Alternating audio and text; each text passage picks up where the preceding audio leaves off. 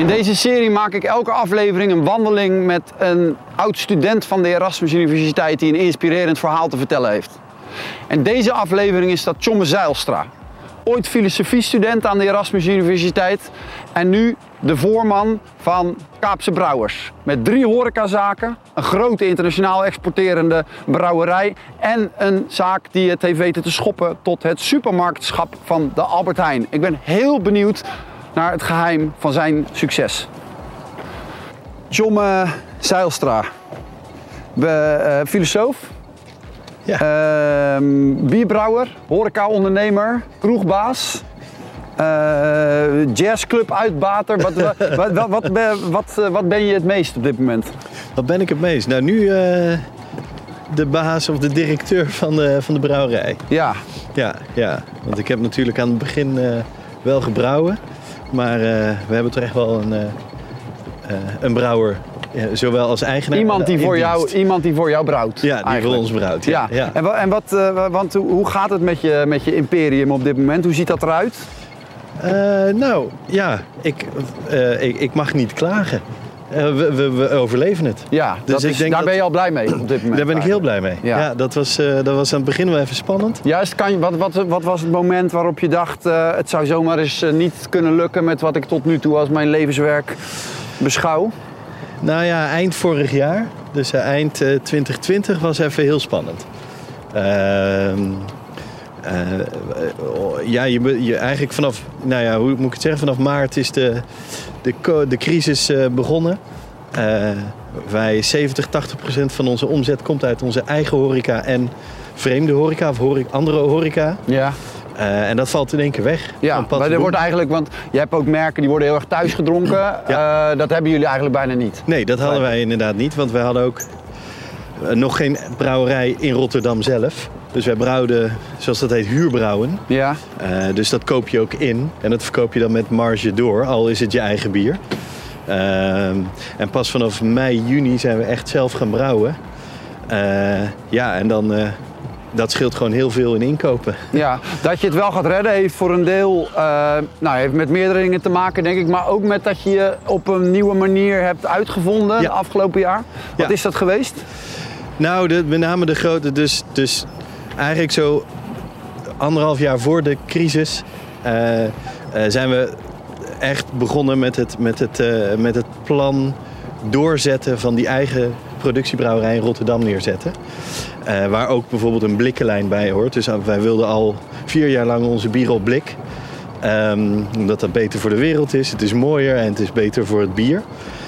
En dat lukte niet met de, met de toenmalige aandeelhouders. Dus we hebben, was een enorme, hoe zeg je dat? Eh, tour de force, zoals Ja. dat dan heel Ja, heet.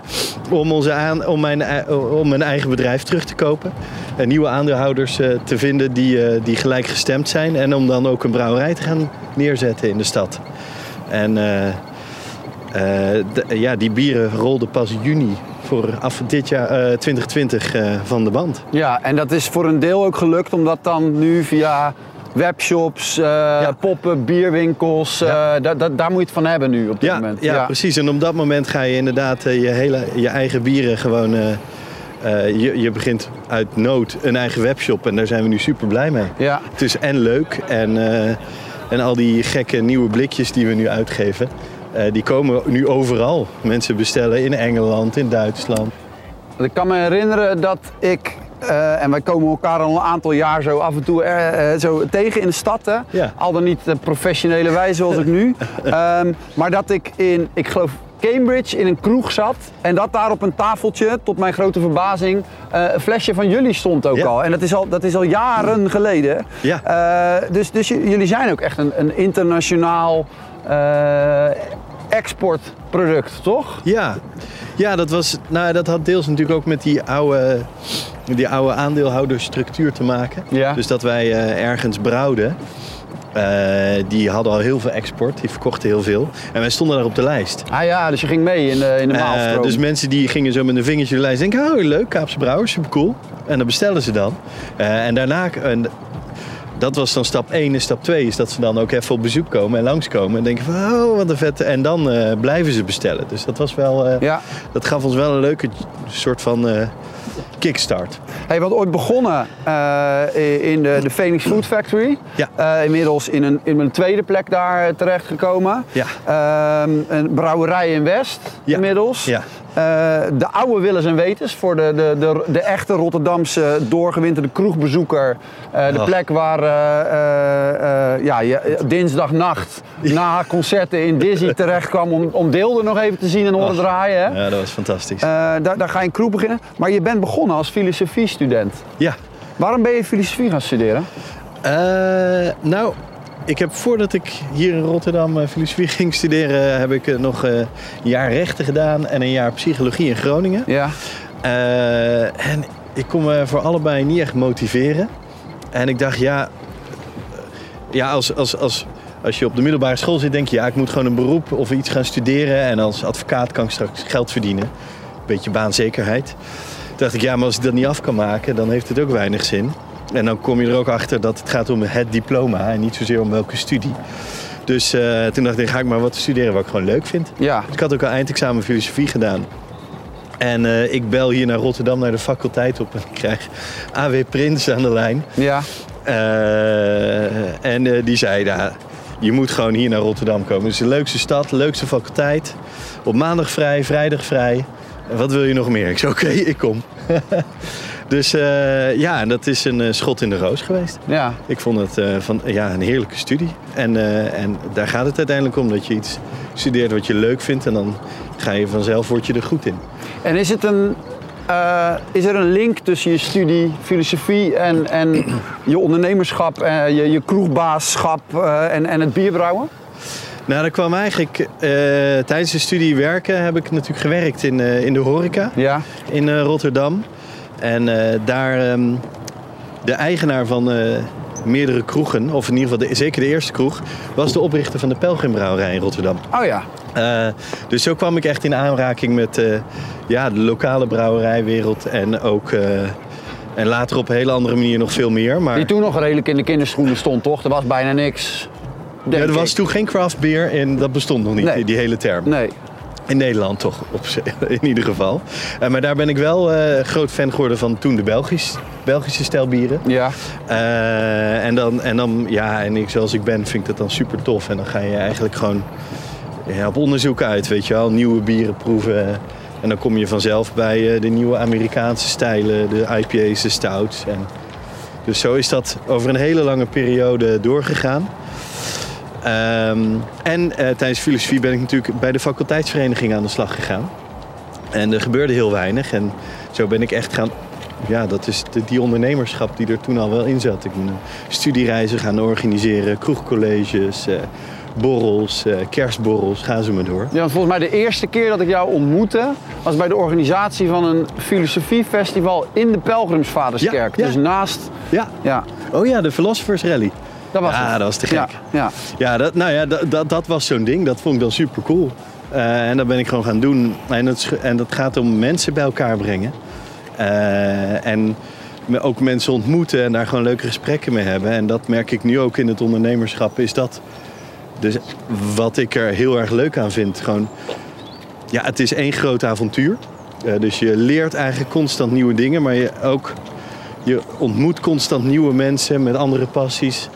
En, uh, en overal, en alles wat we nu doen, zijn ook samenwerkingen. De Phoenix Food Factory is een samenwerking. De plek waar de brouwerij is, is een samenwerking. Uh, en daarmee word je toch altijd weer ja, gemotiveerd om nieuwe dingen te doen. Uh, ja, je, af en toe bots je natuurlijk, maar daar, daar leer je ook weer van. En ja, zonder wrijving geen glans, hè, wordt er altijd gezegd. Die kan, op een, die kan op een tegeltje. Ja, ja zeker.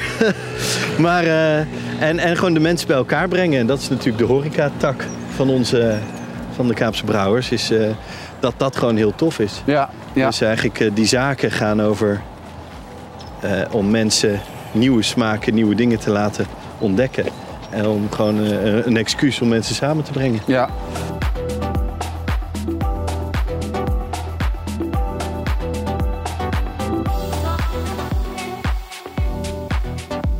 Bierproductie en consumptie heeft volgens mij afgelopen jaar echt een enorme, afgelopen jaren, hè, een enorme vlucht genomen. Als ik de supermarkt inloop Hè? Dat, ik weet niet of dat voor jou een prettig referentiekader is, maar dan is dat schap eh, enorm uitgedijd. Ja, ja. Ehm, Belgische bieren, Duitse bieren.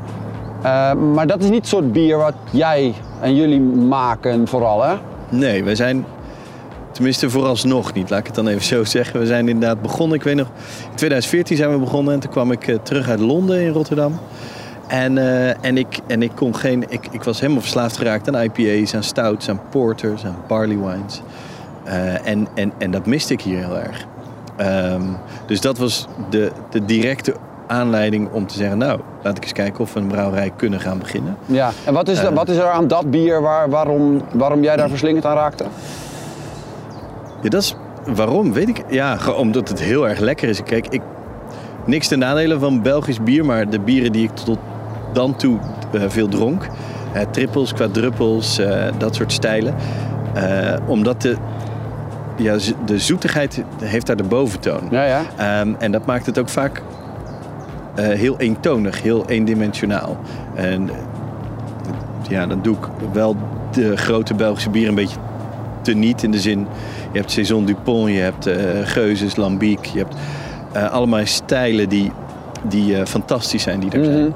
Eh, maar de Hey, ja, maar bijvoorbeeld Lef, Grimberg, Ja. eh, Westmalle, zijn dat dingen waar je, waar je, jij je neus voor ophaalt? Ja, ja, maar dat Want zijn, wa- wa- dat, wat zijn de, de bekendere speciaalbieren, hè, zoals het dan in Nederland heet? Ja, nee, dat zijn dus dat zijn industrieel gebrouwen Belgische stijlen. Ja, Eh, van Imbe, dus ik bedoel, eh Lef is van InBev, Afligem is van Heineken. ja. Dat, ja. InBev Heineken, dat is voor, je- voor een, iemand die craft beer maakt, is dat, dat is de Satan, of niet? Ja, de grote met, name, met name InBev. Want? Nou, Heineken, Heineken snapt het nog wel. Dus je ziet nu ook wel dat Heineken op een hele leuke manier, eh, los van dat het wel het groot kapitaal blijft, maar toch op, wel op een goede manier bezig is om craft beer eh, te incorporeren in hun, eh, in hun businessmodel. Waaronder bijvoorbeeld de aankoop van Oedipus en die echt in gang te laten gaan.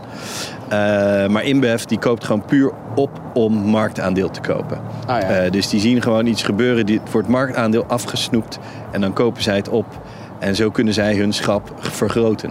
Dus dat gebeurt er ook vaak. Eh, als je nu naar de meterschappen in de Albert Heijn kijkt, zoveel diversiteit is er niet. Het lijkt heel Want veel. jij ziet dan, jij ziet niet al die verschillende bieren. Jij ziet gewoon, dit is Heineken, dit is InBev, dit is deze grote producent of distributeur. En Moordgat, Duvel Moordgat, dat zijn eigenlijk de drie eh, grote. Dat zijn, die vullen nu het schap. Ja, is, is, is, is zeg maar door, door een grote partij geproduceerd automatisch goor? Of zijn er Nee. ook eh, bieren waarvan jij zegt, hier hebben ze dit, dit, dit weten ze toch nog op kwaliteit te maken, ook voor een groot publiek? Eh, nou, nou, een goed voorbeeld is wel Heineken. Eh, die, die mensen weten echt wat ze doen. Die kunnen wel echt heel op een hele eh, ja, op een prachtige manier pils maken.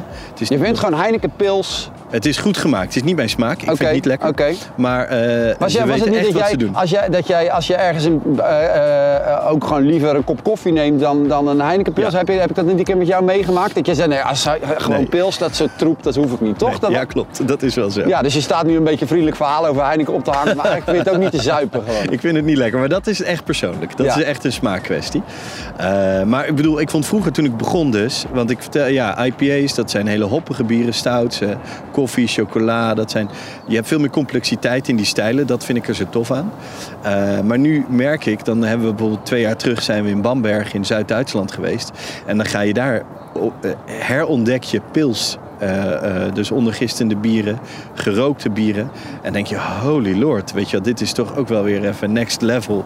En, eh, en dan zit ik dan met, met, met onze brouwer Etienne, zitten we dat te drinken. denk je, ja, dit moeten wij toch ook gewoon gaan maken? ja, ja. gaan we doen.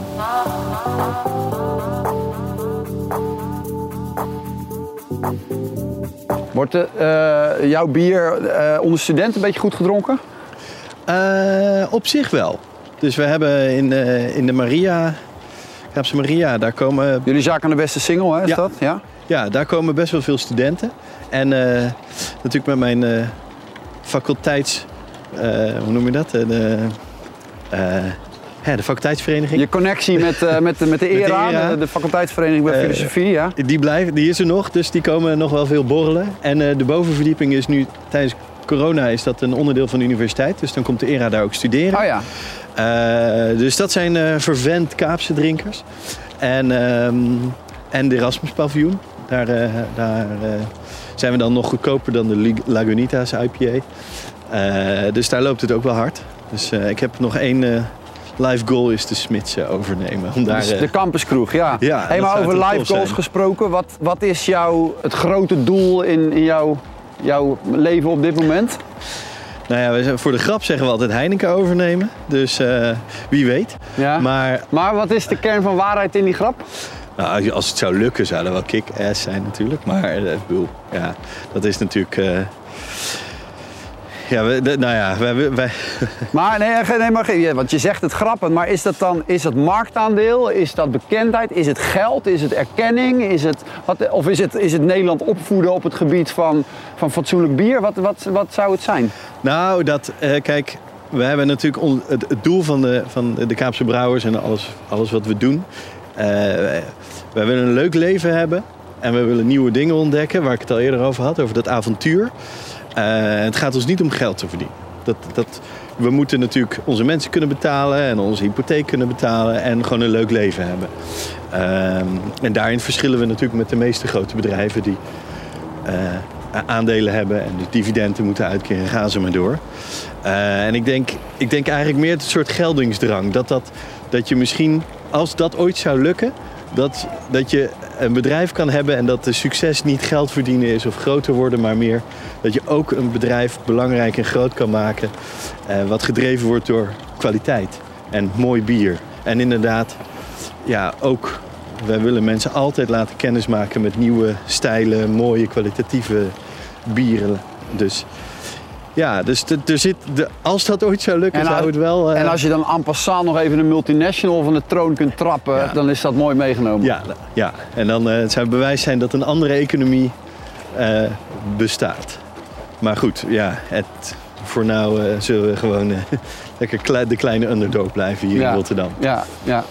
Dus, Succes. Ik, en en als de terrassen open gaan, dan, ben ik erbij. Ja, dat Ja. zou ik erg gezellig vinden. ja cool.